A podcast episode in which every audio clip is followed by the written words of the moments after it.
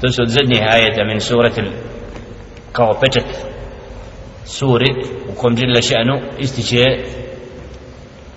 osnovno što je od poruka ummetu Muhammeda sallallahu alaihi wa sallam sadržano pa kaže Muhammedu alaihi sallatu wa sallam objavi a tako i čitavom ummetu kul ta'alu اتلوا ما حرم ربكم عليكم ألا تشركوا به شيئا وبالوالدين إحسانا ولا تقتلوا أولادكم من إملاق. نحن نرزقكم وإياهم. ولا تقربوا الفواحش ما ظهر منها وما بطن ولا تقتلوا النفس التي حرم الله إلا بالحق. ذلكم وساكم به. لعلكم تعقلون.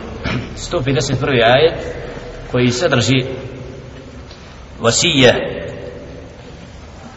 vasijet koji jelle še'nu naređuje da bude prenesen umetu Muhammed alaihi salatu wassalam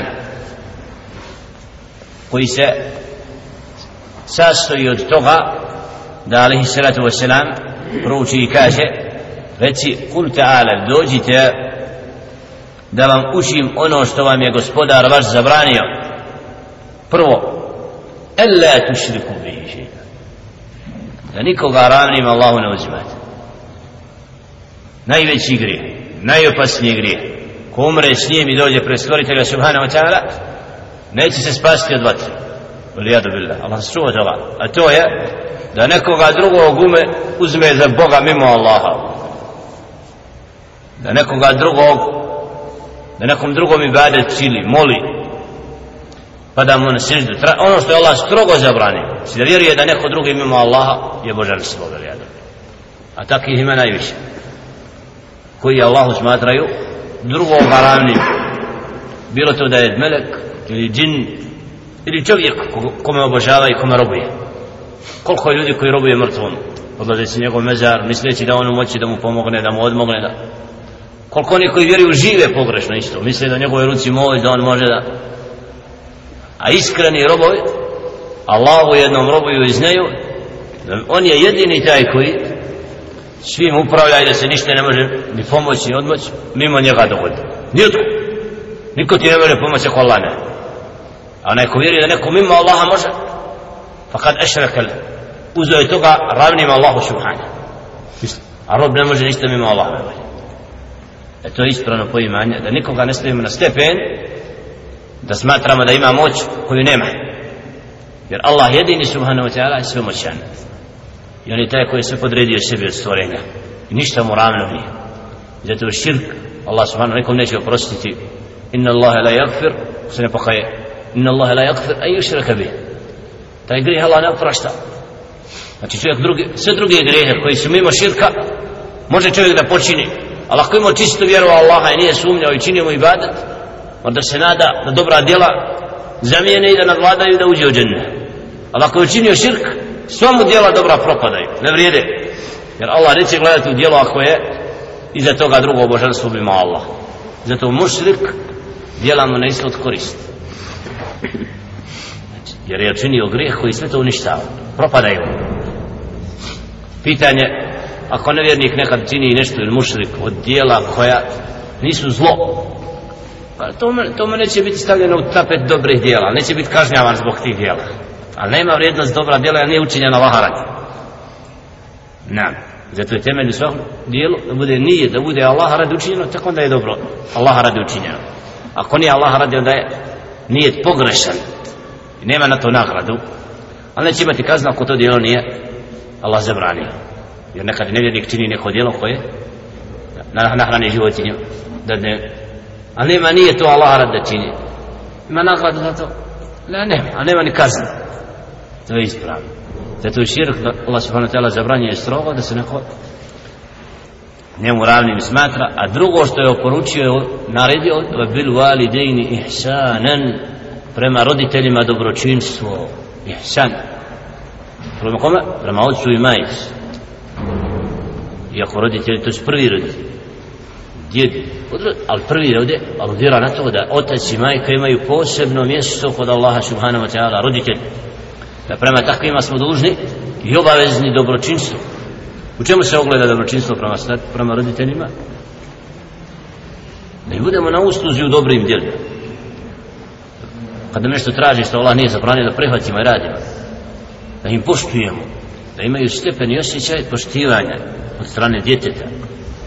I to je od najvećih grijeha nakon širka u hadisu koji stoji nakon širka jeste u kukul validejn neposlušnost roditeljima roditelj kaže sina kćeri ako mi treba teško da daš trgovinu. Kaj neću? Ili kaže ružno neću kuri da, to je već u kuku neposlušnost roditelja. Može a neće. Neko dobročinstvo da uči treba mi to kaj da neće. Da ne, nema mjesto. Neposlušnost roditeljima je od velikih grijeha i tako rob se treba da čuvati nego treba biti, da osjeti da je dobročinstvo roditelja kod Allaha veliko djelo pa da se natječe u tom da čini dobročinstvo Allah radi roditeljima ne radi njih. Jer mu Allah naređuje dobročinstvo. Da bi u tome imao nagradu za to. Ima predaja ko, ko zapamti roditelje u starosti a ne uđe u džennet da je gubitnik. No. imao je trgovinu koja je pred njim kojom se lahko zarađuje dobročinstvo majci posebno. A da jucu otvara vrata ka Allahovoj milosti da te Allah subhanahu wa ta'ala meni tebe sačuva od džehenneme džehennemske patre zato neposlušnost roditelja mora biti uzrok svih belaja. Znate da je rob došao Muhammedu alaihi sallatu wasalam da ide u džihad i borbu. Kaže imaš roditelje pa ima malo ko da brinu njima nema. Ka vrati se pa fi irđa ilihim fa džahid, fa fihim tu džahid. vrati se njima pa borbu bu, vodi borbu na tom polju da njima dobročinstvo činiš. To ti je borba. Znači da je nekada ali se to sam stavio na stepen da imamo šartu džihada. Ako džihad nije fardul ajn da ne smijemo bez dozvole roditelja ići u borbu. Koji stepen? Imaju hadisi vjerodostojni na to? Znači moramo tražiti izun od roditelja od majke kad krenemo u borbu. Ako borba nije fardal ain, strogi vađib u datom momentu. Jer u osnovi je džihad fardal kifaje. Obaveza skupine jedne u datom momentu jer nije na svakom mjestu borba. Ondje gdje je borba obavezna da onda ne roditelji bili zadovoljni nezadovoljni dužno da se borimo kad budu napadnuti i kad budu muslimani ugroženi ali on tamo gdje je fardo kifaje gdje je jedna skupina latije da onda trebamo trasti izvan od roditelja وبالوالدين إحسانا ولا تقتلوا أولادكم من إملاق nemojte djecu svoju ubijati zbog straha da budete siromasi nevjernici misle ako ima više djete da će biti siroma da će biti naprotiv koliko ima jedno djete siroma puno djece bogataši Allah subhanahu wa ta'ala na faku propisao u tome znači da se trudimo ali da čovjek izbjegava porod zbog toga bojeći se siromaštva da nije ispravno u dinu. Mora voditi računa da odgaja djete u islamu da se boji Allaha subhanahu wa ta'ala. Jer ako bude bogobojazan i za Allaha znao Allah će znati za njega. Ali da neko rade porod da ne odgaja ga da robi Allah Allah da mora sve kazne da doživi i ovo je ono, dunjalučko je ono u porodu ali ne smije biti uzrok izbjegavanja rađanja zbog boje straha od smrti jer to bio džahilijetski običaj nahnu narzukukum va ijahu mi obskrbljujemo i vas i njih znači kako vi imate na faku i živite i to djete koje se rodi ima svoje na faku propise ولا تقربوا الفواحش ما ظهر منها وما بطن i nemojte se približavati svemu ono što je odradno i ne valjalo svejedno da li to bilo javno ili tajno ako znamo da nešto žele šenu zabranio i kad smo sami pred drugim izbjega to djelo ostaje nemojmo ga činiti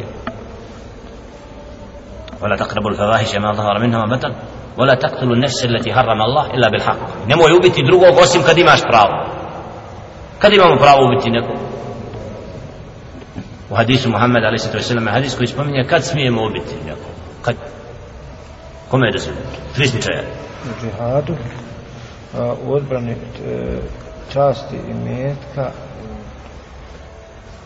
svoje i drugog muslimana ne znam koji uopšteno, on ima hadis koji precizira tri skupine, tri osobe koje možemo ubiti kad imamo pravo na to. To je opšte borba na lavom putu, ali imaju su. Osoba koja, koja počne blud. Ej, Azani, Mohsin, onaj koji je oženjen, počinio blud, imamo pravo da ga da ga tamo kamenje, kamenjemo, da ubojstvo na njim izvršimo. Mm. Dalje? Uh, Kod vas, ne. Otpadnik od vjere. Otpadnik od vjere, drugo i? Sihrba. Treći, onaj ko je nekoga glavu za glavu, nepravedno ubije drugoga, ima pravo da bude ubije. Znači, tu ti, ti slučaje hadis spominje, i ovdje je to upravo, nemoj da bi ubili nekoga osim kad imaš pravo. Znači to, kad je on bludnik, pa kad se dokaz se, tad imaš pravo ubiti, ili ubica. I traži da bude ubijen njegov staratelj Duša za dušu. Nisu stoji iz ne, men nefsu bin nefsu, osoba za osobu to vam dželle šenu poručuje da biste bili razumni a ovdje kažu še šeitan je ovdje džahili da oni koji vjeruju nemaju razuma, nemaju pameti a? La udu bila onaj pa ko Allahu robu je on je obdaran razumom. Zna ko je Allah kako se mu robovati. Zna šta je nevaljalo šta je dobro. A onaj ko ne vjeruje on nema razumije. On je imao pohvario razum jer nije dokučio kom je gospodar. Jer ovdje u oporici dalikum to vam Allah oporučuje kako bi razumni bili ja. da bi razum bio na svom mjestu. E, zato vjernik ne smije biti znači ponižen nego počašćen zdravim razumom jer ga taj razum vodi ispravnom putu kaže جل شأنه u zadnjim ajetima min surati l'an'am وأن هذا صراطي مستقيما فاتبعوه ولا تتبعوا السبل فتفرق بكم عن سبيله ذلكم وساكم به لعلكم تتقون i ovo je moj pravi put pa ga slijedite i nemojte slijediti puteve pa da skrenete sa pravoga puta. To vam Đelešenu oporučuje kako biste bili bogobojazni.